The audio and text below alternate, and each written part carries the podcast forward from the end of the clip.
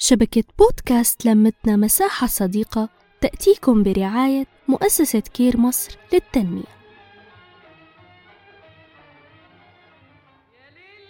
مساء الخير. بالسنين يلي قبل وبليلة العيد تحديدا.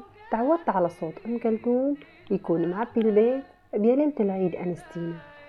ريحة المعمول يلي تبقى أمي عم تخبزه واصلة لآخر الشارع مع جمعة العيلة والرفقات. هالليلة كانت تخلص الفجر؟ هيك تعودنا.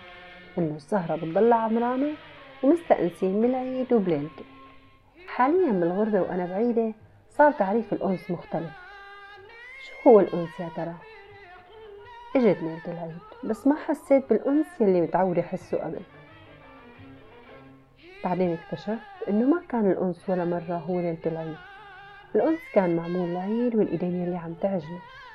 الأنس كان عجقة الأهل والرفقات كان ريحة البيت وريحة أمي وريحة القهوة المرة مفهوم الأنس عندي اختلف تماما. الأنس اليوم هو ريحة قنينة مي الورد يلي أمي بعثت لي إياها وصرت لما بشتاق لها بفتح القنينة وبشمها. ماما يلي قطرتهم على إيديها وريحتهم من ريحتها. الأنس هو بوسة بابا وفرح أخواتي. وصوت بيت العيلة وهو مليان فرح وسعادة.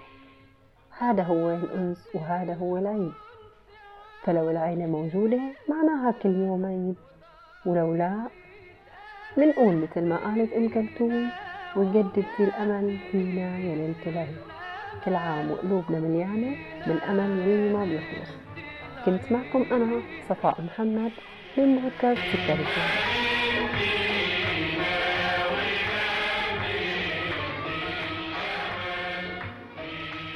نحكي نتشارك نتواصل.